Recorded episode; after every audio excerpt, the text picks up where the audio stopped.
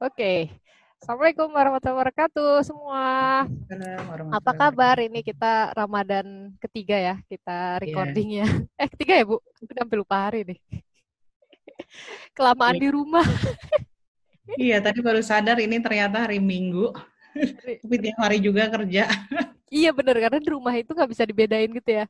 Kita mau yeah. di apa ya pekerjaan rumah, pekerjaan kantor ini nggak bisa bedain. Nah hari ini kita mau ngomongin apa ya Bu Yulia? Tentang ya setelah berapa lama ya sebulan? Ini kacamata lebih. baru ya mau ngomong ya. Eh, karena kena bengkak dan sebagainya terlalu lama di komputer akhirnya harus beli kacamata. Anti radiasi ya. Radiasi. Wah ini juga sih nggak min tapi anti radiasi dong. Positif apa dampak negatif nggak tahu. Saking banyak ya. Kita mau berbicara refleksi tentang mungkin uh, apa namanya sudah kita dampak corona ini sudah sampai sebulan lebih ya mungkin ya Bu kita bahkan di rumah sudah ya, sebulan ya. Kita mau refleksi uh, mungkin dampaknya bahkan buat kita sendiri bahkan mungkin nanti buat ke depannya kita seperti apa juga di pendidikan gitu. Kalau Bu Yuli sendiri gimana nih? Kalau saya mungkin ngomong jadi dosennya dulu ya. Jadi pertama-tama kemarin saya cerita juga ya sama uh, sama Bu Ella ya cerita. Kalau misalnya uh, pertama-tama exciting kan, kita saling sharing ya. Eh pakai apa, pakai apa gitu ya. Terus kita sempat diskusi mengenai oh nanti Moodle kita pakai Moodle Alkana dikembangkan dan sebagainya gitu. Jadi uh, sharing-sharing minggu pertama. Minggu pertama gitu. Exciting semua dicoba terus nanya-nanya uh, pakai apa? Pakai apa? Pakai WhatsApp lah, pakai Google Classroom, uh, Microsoft Teams, Zoom dan sebagainya kita explore. Exciting gitu ya pertama kali fase pertama. Nah, itu ketika posisi jadi dosen ya. Pas lama kelamaan terus jadi core prodi juga gitu ada rapat ada yang harus ditetapkan hari yang, berapa kali zoom ya terus akhirnya ngerasa lelah juga ya. Dan kebetulan anak-anak kan uh, sekolah apa namanya di rumah juga kan. Jadi pada saat bersamaan harus handle juga. Nah jadi uh, tahap exciting itu jadi lelah. Lelah ternyata lelahnya bukan cuma itu minggu kedua apa berapa tuh kira-kira? Iya fase kedua mungkin minggu mau masuk minggu ke satu setengah setelah itulah ya. Jadi karena minggu kedua minggu ketiga udah minggu ketiga itu kayaknya kok lelah ya gitu. Terus uh, sudah nggak ke kontrol jadi uh, tetap melaksanakan semuanya tuh kayak uh, normal aja gitu. Jadi maksudnya tetap oh, ini harus dikerjakan deadline dan sebagainya gitu.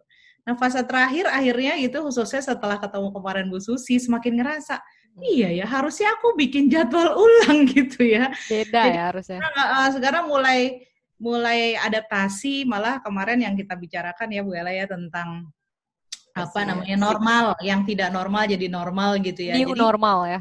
Uh, akhirnya sekarang mulai adaptasi, kemudian malah mulai ya itu uh, mikirin diri sendiri. Maksudnya artinya, oh iya ya dulu tuh nih nggak sempet nih dikerjain gitu ya ngerjain buku, ngedit uh, artikel atau dan tetap kerja sih. Cuma maksudnya artinya itu nggak pernah kepegang gitu karena rutinitas yang cukup banyak dan perjalanan ke rumah kadang bikin stres juga lumayan macet dan sebagainya. Iya, nah itu kan nggak lagi di di apa ya, ditemui ya macet itu. Iya. Jadi uh, saya pikir fase itu akhirnya kalau posisi saya sekarang sudah mulai uh, mau adaptasi ya itu secara umum gitu jadi kalau misalnya yang lain mudah-mudahan sih uh, nggak jadi stres nanti setelah ini gitu kan karena memang masih banyak hal kan yang harus uh, dilakukan. Kemudian apalagi nih nanti mahasiswa harus sidang skripsi dan kalau lulus semua 100 orang kebayang itu kalau misalnya Gimana harus seringnya zoomnya? Ada gitu karena zoom itu ternyata sangat melelahkan ya. Jadi apa namanya uh, apa ya kan? Fokus ke layar terus. Uh, uh, jadi uh, tadi skillnya jadi nambah ya pertama ketika jadi dosen jadi tahu belajar Ella juga IT IT dan sebagainya. Terus yang kedua jadi apa namanya jadi ngelihat mahasiswa lebih memahami mahasiswa dari sudut pandang lain gitu tadinya kan cuma oh datang ke kelas kita kita tahu mahasiswa kenal beberapa sekarang anak yang biasanya diem kok mulai aktif karena kan mau nggak mau di forum Moodle itu mereka yeah. harus mengekspresikan sesuatu ya terus lewat WhatsApp Nah, tadi yang Bu Ella bilang kayaknya nggak ada batas waktu gitu. Kita masih kadang cat-catan sama mahasiswa tuh sampai kadang melewati hari kuliah. gitu kan ya. jadi jam kuliah udah lewat kita masih chat sama mahasiswa, masih WhatsApp dan sebagainya. Jadi kayak lebih mulai memahami karakter mahasiswa, interaksi kita agak beda sekarang sama mahasiswa ya. Kemudian apa namanya? Uh, saya sih ngerasa ditantang sekali ya jadi dosen maksudnya ini besok variasinya uh, apa ya kayaknya kalau gini lagi bosen ya dengan segala pertimbangan ya pertimbangan kuota mahasiswa jaringan juga. Tapi mikir juga nih mahasiswa ngerti nggak ya? gitu. Jadi ada satu mata kuliah kayaknya udah dijelasin lewat voice note kemudian diupload di Moodle gitu ya voice note. Tapi kok nggak nyambung juga? Jadi rasanya gregetan juga rasanya mau yeah maunya zoom terus karena zoom kan kita bisa berinteraksi. Langsung. Uh, cuma kadang ada yang uh, misalnya beberapa mahasiswa uh, menyampaikan bu saya nggak bisa karena dan sebagainya akhirnya uh, belum belum bisa. Jadi mudah-mudahan uh, mungkin harus diselang-seling ya. Jadi kadang zoom, kadang enggak atau uh, selangnya seperti apa. Jadi tadi IT, kemudian kompetensi mengajar, kemudian uh, mengenal mahasiswa lebih baik ya mahasiswa yang tadi ya contohnya aktif yang pasif jadi aktif kemudian belajar akhirnya yang agak negatif tuh saya kan agak sering jadi sering sakit secara apa ini ya apa namanya karena capek oh, jadi kemarin mata bengkak migrain kemudian segala macam akhirnya jadi belajar oh ternyata kemarin Bu Ella uh, cerita tentang apa namanya Bu Ella blue light ya Oh yeah. itu namanya. iya ya ternyata jangan-jangan gitu juga. Jadi mulai-mulai ngatur setting-setting komputer, ya, duduk. Ya, brightnessnya dikurangi. Nah, jadi yang seperti itu akhirnya kita baru menyadari apalagi sekarang puasa ya. Jadi mungkin jadi harus tadinya kan kita udah mulai adaptasi tuh nggak puasa kan dengan kondisi di rumah. Sekarang puasa lagi. Jadi kan ada adaptasi ritme kerja yang harus kita atur lagi. Sebelumnya eh, ritme apa namanya beradaptasi dengan corona, sekarang ya. corona plus Ramadan. Jadi tadi cerita Samuel, aduh ngantuk banget ya. Iya. Ngecek kimia, tapi, tapi, tapi Bu, tapi kalau diturutin tuh kita jadinya maksudnya saya ya, kalau misalnya nih nggak nggak apa nggak janjian sama ibu ya, saya pasti tidur. maksudnya kalau nggak kita benar-benar mempush diri kita, jadinya kita kayak kalau menurut saya ya kita jadi menyerah pada iya mungkin tadi istirahat ya memang ya maksudnya itu tidak hal yang sia-sia juga gitu cuman hmm. uh, apa namanya jadinya kita kalau menurut saya menyerah pada ya udah itu gitu kita, kita iya, tidur ya, kurang produktif kita, gitu kita tidur, tidur terus juga jadi lemes sebenarnya iya benar makanya saya bilang maksudnya kan apa tidur yang membangkitkan energi sama yang tidur tidur terus kebanyakan tidur emang capek juga sih memang. gitu. oh, oh. gimana kau Buela? Uh, maksudnya di profesionalisme lah, maksudnya sebagai dosen ngajar. Apa ya? Saya jujur malah semakin exciting ya ngoprek. Iya saya saya kan saya udah pernah cerita sama ibu ya. Sebenarnya saya itu pengennya masuk IT kan dulu, hmm. cuman nggak diterima di Fasilkom UI. Ups. nah, cuman dengan kayak gini-gini terus tambah lagi Zoom yang kemarin apa cyber security ini saya jadi kayak saya ikut ikut apa course online yang kayak gitu benar-benar kayak tertarik gitu loh bu sebenarnya kayak lalu saya membayangkan secara hard saya juga ngobrol sama anak fasilkom gitu dia kayak kita kunci. Ibu tahu kan kalau kunci koper itu bu dia ada tiga kombinasi gitu kan. Saya pernah lupa jadi saya cuma men mencoba aja semua kombinasinya itu cuma kayak cuma satu menit gitu bu kita rubah-rubah. Ya sama aja kayak kita password misalnya apalagi ATM kan cuma enam angka misalnya mobile banking iya, ibu misalnya atau apa. buat sama sama ya iya kan? Nah itu memang memang sebenarnya mudah sekali memang untuk bisa orang itu masuk kayak gitu oh, menurut saya. Jadi emang menarik kayak gitu sih. Baru mau belajar sih belum belum coba itu baru lihat katanya bagaimana kita itu berpikir secara apa seperti hacker tapi uh, uh, berpikirnya kayak mereka ya tapi behave-nya sebagai orang yang baik kayak gitu. Jadi memang hmm. menarik juga. Cuman ke sini ke sini sih saya jujur saya selama PJJ udah sebulan ini lebih ya. Itu saya nggak pernah pakai yang face to face sama mahasiswa Mungkin hmm. kalau saya lihat karena setiap materi itu karakteristiknya beda-beda ya kan Bu. Ya, Dan benar. mahasiswa benar. juga menyerapnya beda-beda gitu. Jadi ada dosen juga yang nanya, e, lah kamu pakai apa? Saya cuma pakai Moodle aja udah yang kita ya, punya prodi gitu, Alkana. Hmm, jadi karena menurut saya itu cukup. Terus uh, sama Telegram sih saya kalau kalau anak-anak ya. ada teknis ataupun apa mereka di situ biar saya langsung screenshot ke Telegram jadi lebih cepat. Kenapa Telegram? Karena dia kalau HP saya mati juga dia tetap Ya. nyala, ya kan? Jadi lebih enak. Nah, terus Jadi tadi balik ke yang mana tuh tadi eh, pemilihan itu memang jadi refleksi juga ya. Maksudnya gini, kita kan ngajarnya bidang pendidikan ya. ya Jadi ya. gimana anak merespon, critical thinking. Kalau aku karena eh, kurikulum kan misalnya dia merefleksikan sesuatu, terus lingkungan pembelajaran juga kan sebenarnya dia Iya. udah punya pengalaman di lingkungan pembelajaran ya. Tapi mungkin kalau misalnya seperti Pak Hanhan, Bu Vera yang ngajar kimia organik kan Iya. mungkin Beda beda ya. karakteristik. gitu. Mereka harus menggambar, mungkin menceritakan Gambar ataupun gitu. atau Bu Nunu juga kan misalnya banyak hitungan dan sebagainya. Jadi yang analitik kan juga mungkin agak beda ya. Ya iya. benar. Kalau saya bahkan misal kayak ngajar eh, apa namanya komputer misalnya. Ya saya anak-anak coba kamu cek di komputer kamu, kamu bisa identifikasi nggak kamu itu primary antivirusnya apa gitu. Anak-anak nggak tahu bu, saya nggak ada antivirus nih bu laptop saya gitu. Maksudnya, iya ternyata mereka nggak tahu misalnya di Windows 10 itu uh, dia uh, apa Windows Defender gitu bu. Maksudnya anak-anak tuh ada yang baru tahu ya bu, ini manfaat banget saya jadi tahu bu gitu. Jadi jadi bekerja mereka sebenar uh, apa sesuai dengan laptop mereka di rumah, terus mereka refleksi bu. Jadi saya jadi di Ya. Alkana itu mereka refleksi apa yang Ya. baru tahu. Misalnya mereka apa yang baru tahu. Memang dituntut juga kita kayak menganalisis juga sih. ya. Iya, jadi supaya anak-anak tuh jadi kita nggak memaksa juga mereka dengan apa namanya dengan apa ya dengan tujuan pembelajaran kita, tapi tujuan pembelajaran itu mereka merasakan kebermanfaatannya buat mereka gitu. Apalagi kan ini Benar. mata kuliah komputer, kalau menurut saya emang skill hard skill ya sebenarnya Ya. gitu. Dan eh, aku sepakat tadi yang ini apa otentik tadi ya, otentik ya. Jadi maksudnya kita har- yang ya kita jadi dosen akhirnya dipaksa untuk kreatif Iya, banget, kadang saya memutar kayak oh, memutar. kayaknya nggak bisa nih, kayak nggak bisa nih gitu.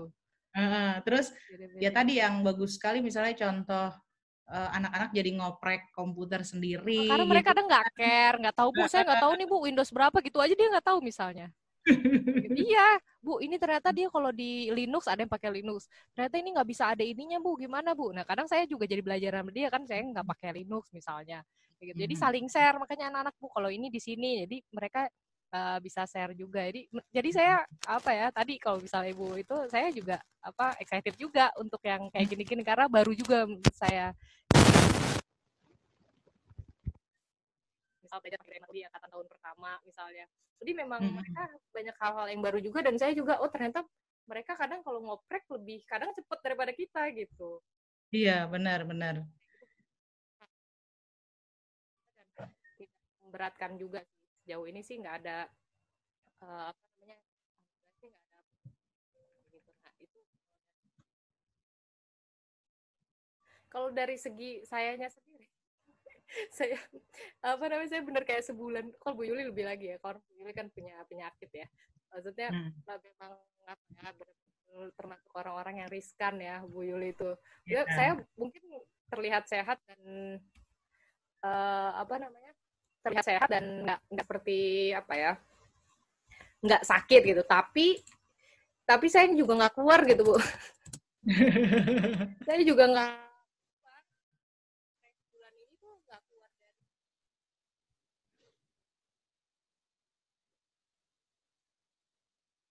Mhm.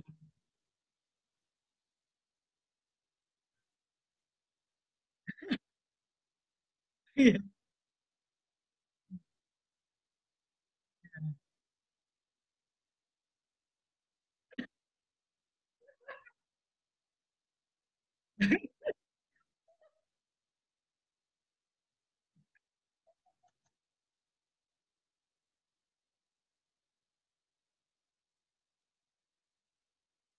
Iya.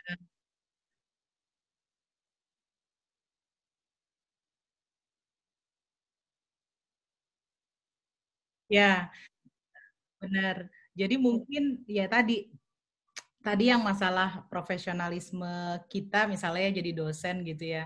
Jadi ternyata eh, tadi kita belajar banyak hal baru gitu ya, terus kita lebih paham mahasiswa kita ya tadi ya, kita jadi tahu konteksnya dia belajar kan seperti apa gitu ya. Ya mudah-mudahan sih saya pikir ke arah positif mempengaruhi bagaimana kita berinteraksi ya. Tapi yang memang negatifnya tadi loading kalau misalnya kita nggak bisa ngatur waktu fisik dan uh, mental juga kan stres ya dengan segala macam yang kita ada di rumah aja nggak bisa berinteraksi secara langsung. Mungkin mahasiswa juga kalau kita jadi dosen kan zoom kayak gini mak udah uh, sering ya. Tapi kalau ya iya jadi interaksi untuk usia mahasiswa itu kan cukup penting ya. Jadi mungkin uh, interaksi sama kita, interaksi sama teman-temannya gitu. Itu saya pikir lebih uh, berdampak juga ya gitu. Hmm.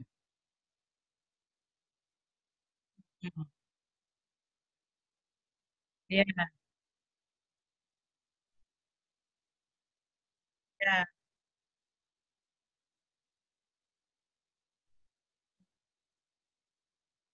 ya, ya. Jadi mudah-mudahan sih lebih irit kuota ya Bu Ella. Soalnya kan uh, kalau mereka hanya upload PPT, beda rasanya dengan ketika temennya itu sambil liatin PPT lewat Zoom terus direcord kemudian mereka hanya ngirim video aja lewat email yang ngatur saya yang upload ke YouTube, ngasih link ke Moodle itu eh, saya kerjakan. Cuma maksudnya teman-temannya bisa lihat kapan aja. Kemudian, nah itu sebenarnya PowerPoint khususnya telah kurikulum ya. Jadi nanti saya kasih feedback, kadang mereka harus terpaksa merevisi ada juga yang lolos gitu. Sebenarnya sih emang baiknya sebelumnya saya harus lihat dulu dan sebagainya gitu. Cuma kan mahasiswa tugasnya banyak juga jadi cukup mau memaklumi ya. Tapi saya pikir anak-anak selain belajar IT dan sebagainya juga belajar untuk gimana caranya anda presentasi waktunya sebentar karena nggak mungkin teman-temannya betah nunggu video lama-lama gitu kan. Jadinya lebih efektif gitu. Oke, Terus uh, apa namanya yang selanjutnya Bu Ella mungkin yang saya rasakan ya tadi yang profesional ya, yang profesional. Kemudian yang secara personal hubungan terutama sama anak-anak ya karena memang uh, kalau sama orang tua ya akhirnya nggak bisa ketemu ya karena kondisi orang tua juga uh, kalau deg-degan juga saya kalau datang ke sana artinya khawatir malah sebenarnya jadi masalah dalam arti kontak dan sebagainya gitu ya. Jadi paling pakai zoom dan sebagainya. Kemudian kalau sama anak-anak yang biasanya anak-anak mungkin biasanya ibunya, uminya nggak ada di rumah ada gitu. Jadi saya mencoba mengatur rutinitas anak-anak gitu ya. Jadi uh, supaya mereka juga nggak bisa. Tapi misalnya bisa masak uh, bareng juga, kemudian uh, ya banyaklah hal yang sekarang kalau Ramadan ya gantian, alhamdulillah mereka bisa ya jadi imam, baca Quran dan sebagainya. Jadi saya pikir apa namanya kalau untuk hubungan dengan keluarga ya eh, jadi lebih dekat ya gitu. Konteksnya kita kita jadi akhirnya dipaksa untuk terlibat uh, pendidikan anak biarpun stres juga Zoom kemudian Google Classroom ada tiga yang satu dua anak yang satu satu anak gitu jadi saya pikir itu positif juga gitu kalau Bu Ella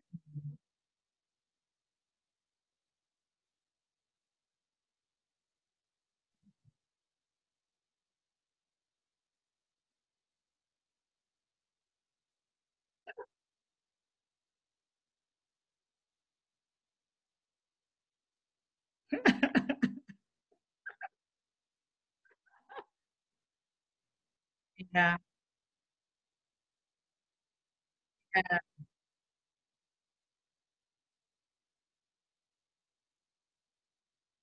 ya, ada peluang-peluang yang uh, kita maksudnya dan mungkin kan biasanya kita di luar rumah yang uh, apa namanya ya tadi ya waktu kita lebih banyak di luar kemudian pas sampai rumah oh ternyata ini banyak masalah juga ya di rumah gitu ya mungkin alhamdulillah sih.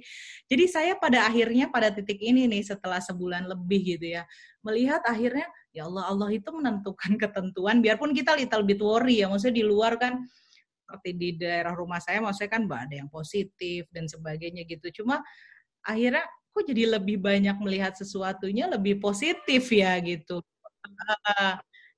Ketimbang setelah melewati fase kemarin stres dan sebagainya ya sekarang jadi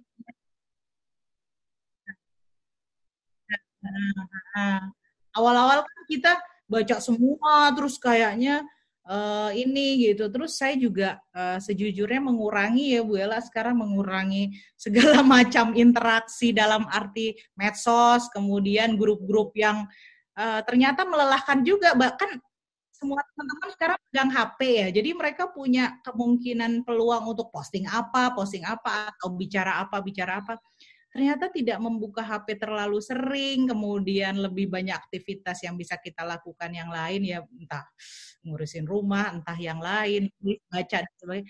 Ternyata tuh lebih tenang gitu dan waktunya lebih banyak uh, produktif gitu. Sebenarnya sih udah pernah dikasih tau, kayaknya kok kalau anak-anak saya sih bilang Umi kok pegang WhatsApp terus? Iya Umi kerja gitu kan. Kadang-kadang kita koordinasi bla bla bla segala macam. Sekarang jadi mikir itu kan kerjaan bisa ditunda ya sebenarnya gitu.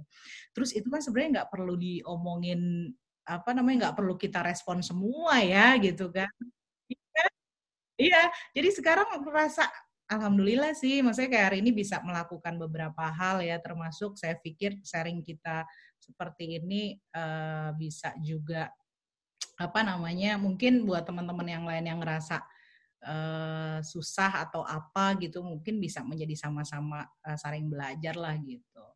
Terus yang lain yang itu ya Bella masalah personal dan sebagainya adalah apa namanya ya kita tahu kondisi mahasiswa kondisi orang lain kita lihat uh, luar biasa ya kita mau ngeluh kayak apa tuh rasanya malu ya nggak maksud banyak yang lebih kita mau ngeluh oh ini kayaknya oh, kita lelah banget. Ada orang yang nggak bisa makan. Atau kita ngeluh ini kok internet kadang putus nyambung. Ada orang yang bahkan kuota pun nggak bisa afford uh, lagi gitu. Jadi kayaknya no point buat uh, complaining gitu. Karena ternyata buat badan kita juga jadi semakin negatif. Saya pikir Allah luar biasa ya memberikan kesempatan kepada kita untuk kembali ya refleksi diri dalam arti kita sebagai manusia itu sebenarnya fungsinya apa sih gitu. Iya, alhamdulillah saya tuh sempat mikir gini kapan ya kau Bu Ella taulah betapa sibuknya saya ya. Jadi karena ya alhamdulillah ya bisa uh, di rumah gitu kan, bisa sama anak-anak gitu kan. Iya.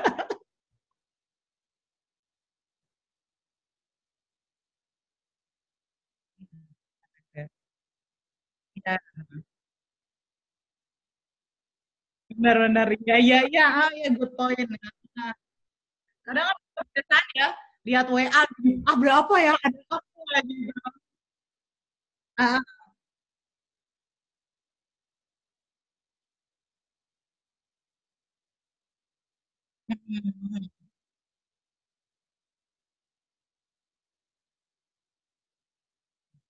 Iya. Oh,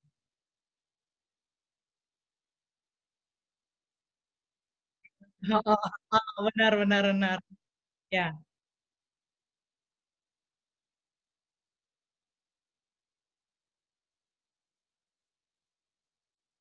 Ah, benar benar.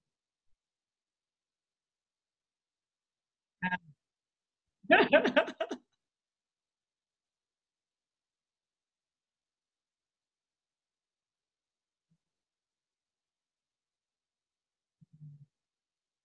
Iya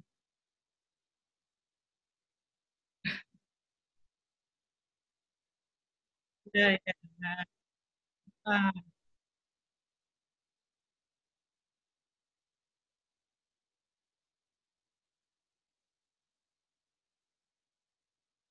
benar benar. Terus akhirnya yang terlihat juga saat ini adalah ya mahasiswa atau kita yang tipe-tipe nggak nggak berjuang ya nggak berjuang maksudnya gini loh ah udahlah memang kondisinya kayak gini ya udah gitu. Maksudnya nyerah nyerah aja tuh semua orang juga malah akhirnya kelihatan karena apa? Biasanya kan kita termotivasi karena ada teman kita kita termotivasi karena ngelihat teman kita pada sibuk ngapain atau apa gitu kan. Sekarang enggak. Semua orang tuh juga lagi sendiri-sendiri gitu interaksi nggak sebanyak yang dulu kita diminta untuk merefleksikan diri. Jadi saya pikir akhirnya eh, mahasiswa-mahasiswa atau saya sendiri ya itu adversity questionnya kelihatan daya juangnya kelihatan gitu ada juga kalau misalnya kalau Bella cerita ini kalau misalnya uh, mencari resources gitu ya. Misalnya mahasiswa nanya, itu kan sebenarnya gampang banget misal ya. Cuma kan ada memang yang ya udah ah nanya aja lebih mudah gitu misalnya. Jadi ya ini makin ke makin terlihat sih, makin terlihat. Jadi yang gampang menyerah, yang uh, ya mungkin dia nggak kuat gitu ya. Jadi kayaknya merasa paling terpuruk gitu ya. Jadi luar biasa ya kalau saya merasakan setelah survei kondisi anak-anak dan sebagainya, saya pokoknya udah ngerasa, aduh, nggak bisa lah gitu ya. Jadi terlalu banyak yang harus uh, disyukuri. Kemudian kalau yang lagi jenuh dan sebagainya, saya pikir take a break aja dulu. Kalau misalnya yang hobi masak, mumpung di rumah silahkan masak. Yang hobi ngebongkar-bongkar lemari gitu ya, nulis variasi itu benar-benar wajib kita lakukan gitu. Dan kalau misalnya memang belajar, saya pun ya biarpun uh, kita bercandaannya atasnya rapi, bawahnya berantakan gitu ya. Tapi artinya adalah kalau memang kita lagi ngajar atau apa, memang kondisinya uh, harus disiapkan rapi, ya rapi aja gitu. Kalau artinya mungkin uh, kadang mungkin di kamar boleh dan sebagainya. Cuma kadang kalau akhirnya kelamaan kita kayak uh, di rumah santai gitu. Jadi kadang ini kita lagi nggak ada batas ya. Oh, itu salah satu cara juga kalau menurut saya untuk uh, dan satu hal lagi yang kemarin Bu Susi sampaikan yang menarik adalah membuat schedule ya Bu Ella ya. Jadi ini kerjaan rumah, ini kerjaan kampus kantor atau profesional ya. Jadi oh iya ya, ini anak-anak belum disiapin. Oh iya ya, ini belum saya kerjakan gitu. Jadi checklist-checklist itu dan checklistnya jangan terlalu besar. Jadi misalnya mengerjakan satu makanan, itu kok nggak kecoret-coret itu terasa banget rasanya. Abstrak judul. Yang penting judulnya fix.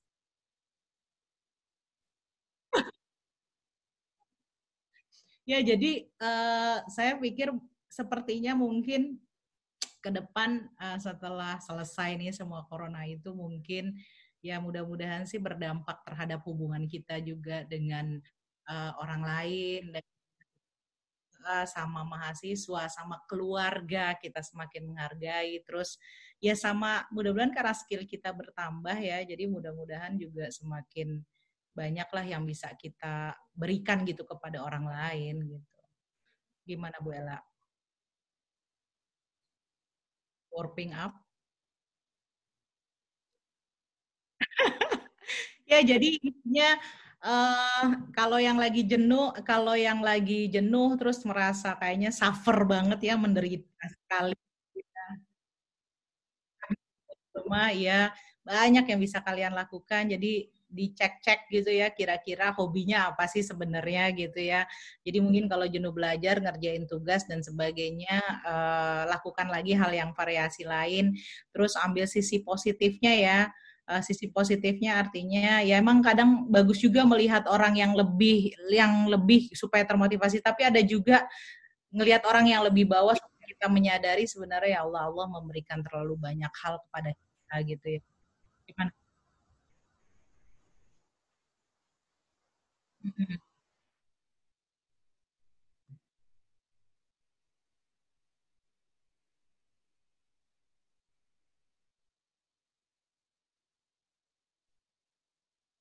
Iya, benar.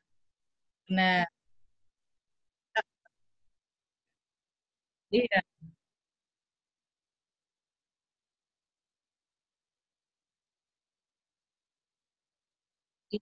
Malah karena ternyata dalam hidup itu yang paling uh, bermanfaat adalah ketika ada masalah gitu. Karena ketika lurus aja apa ya yang mesti diceritakan? Nah, jadi saya pikir itu uh, apa namanya pelajaran berharga lah gitu untuk kita semua ya menjadi lebih baik lah paling tidak gitu ke depannya.